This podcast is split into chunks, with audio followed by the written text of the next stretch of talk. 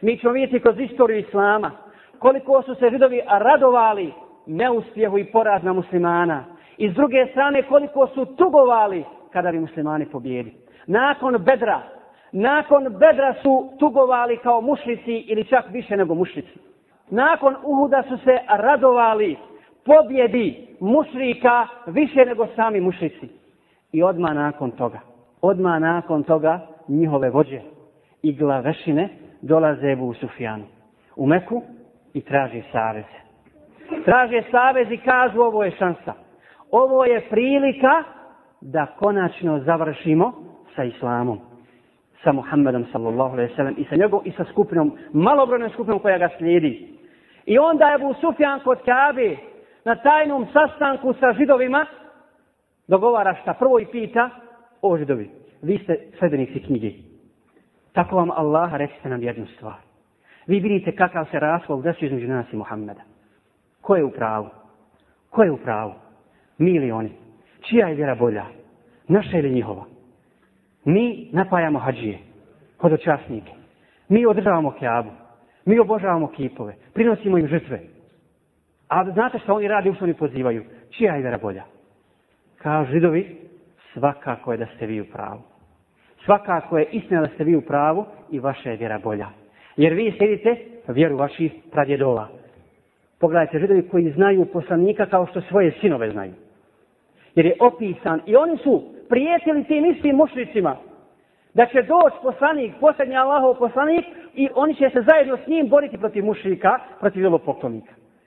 I sada kad se pojavio, oni kažu mušnicima vaša vjera je bolja I Allah Đelešanu objavljuje ajet o tome i kaže ألم تر إلى الذين أوتوا نصيبا من الكتاب يؤمنون بالجبت والطاغوت ويقولون للذين كفروا هؤلاء أهدى من الذين آمنوا السبيلا Jesi li vidio one kojima je da dio knjige kako u šeitane i kumire vjeruju i govore za nevjernike, oni su na ispravnijem putu od vjernika, od onih koji vjeruju.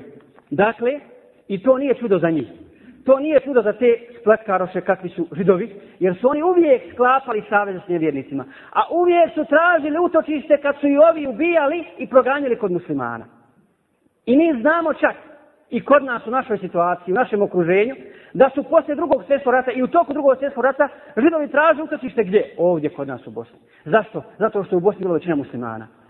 I svugdje u arabskom svijetu, islamskom svijetu, nalazili su utočište kad su bili proganjani kod muslimana, a danas oni ubijaju muslimane. Nemilice i stoji za svaki spletki i za svih mogućih ratova koje oni podgrijavaju i koje oni raspaljuju.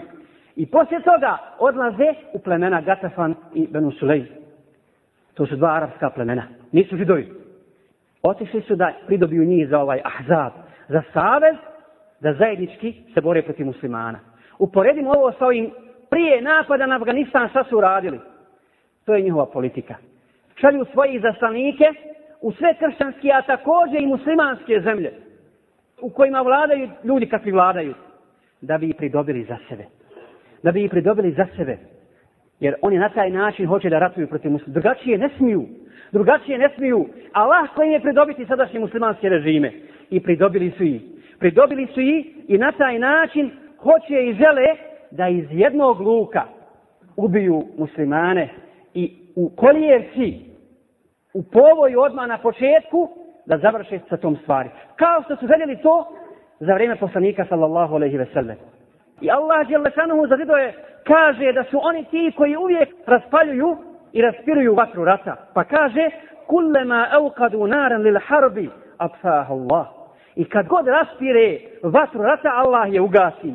ويسعون في الأرض فسادا شيري زمنهم نريد والله لا يحب المفسدين الله نولي نولي ظلم čareni nasilnike ne vole one koji šire nered i na Ahzabu su dakle također raspirivali vatru rata kako bi zajedno dakle uništili islam i muslimane i pogledajte koje je glicinizma vođe terorizma vođe terorizma danas se digli da se bore protiv, protiv terorizma